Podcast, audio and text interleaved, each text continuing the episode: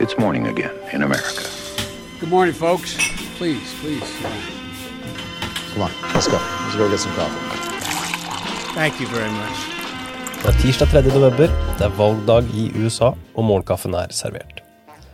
Aller først, gjennomsnittet til 538 viser en Biden-ledelse på 8,4 poeng nasjonalt, 51,9, 43,5.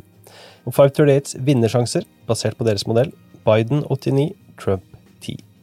Prognoseguru Nate Silver håper kanskje å slippe unna noe av 2016s misforståelser om sannsynlighetsberegning i år, og har skrevet en artikkel hos 538 om de muligheter Trump fortsatt har til å vinne. I podkastfeeden din så finner du nå en Ohio-spesial av 2020, som blant annet byr på utklipp fra våre names valgkampdagbok fra da hun tidligere i år besøkte den viktige vippestaten Ohio. Verdt å få med seg, i tillegg til de andre podkastene vi har publisert de siste dagene. Husk også å få med deg Ampols valgdagsguide for hånden i løpet av kvelden og natten. Her ser du når valglokalene stenger i alle delstatene, hva som er verdt å følge med på i den enkelte delstat, og hva vi kan forvente oss i opptellingen. Dagens første sak, de siste målingene. I en ny måling for Wall Street Journal og NBC News. I de tolv delstatene der det er tettest på meningsmålingene, så leder Biden med 51% over Donald Trumps 46% Det er ingen endring siden tilsvarende måling i forrige uke. Det har også kommet en siste runde med delstatsmålinger i de mest spennende delstatene. Linker videre til nyhetsbrevet der du kan se alle, her tar jeg kun med snittene. I Pennsylvania ligger Biden foran med 4,8. I Arizona ligger Biden foran med 2,6. I Michigan ligger Biden foran med 8,1. I Florida ligger Biden foran med 2,4. I Ohio ligger Trump foran knepent 0,8, og i Texas ligger Trump knepent foran med ett poeng. I Georgia ligger Biden foran med 1,3 prosentpoeng. I North Carolina Biden foran med 1,8 poeng, og i Wisconsin Biden foran med 8,2. Dagens andre sak, de endelige spådommene. Larry Sabato og University of Virginias Crystal Ball, en av de mest anerkjente prognosemakerne i amerikansk valgsammenheng, har gitt sine endelige spådommer for valget, og forutser at Biden lander på 321 valgmenn og Donald Trump på 217. Crystal Ball mener også at demokratene trolig vil ende med et lite flertall i Senatet, 50-48, og at begge de to setene i Georgia vil gå til en ny valgrunde i januar.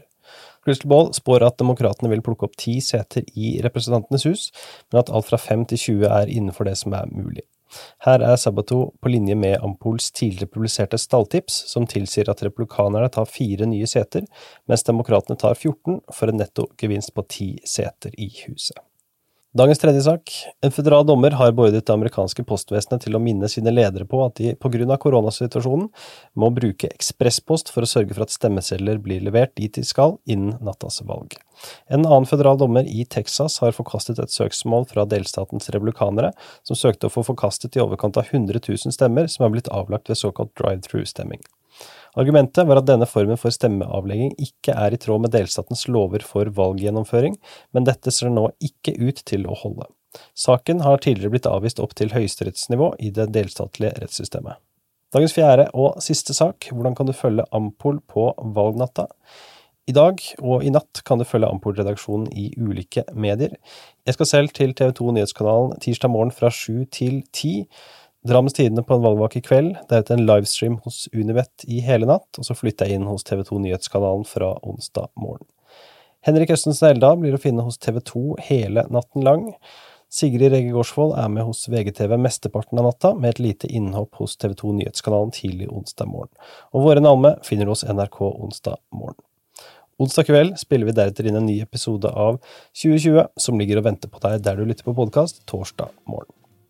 Dagens utgave av Morgenkaffen er servert av Sigrid Rege Gårdsvold og undertegnede Are Togoflaten. Nå er det bare å vente.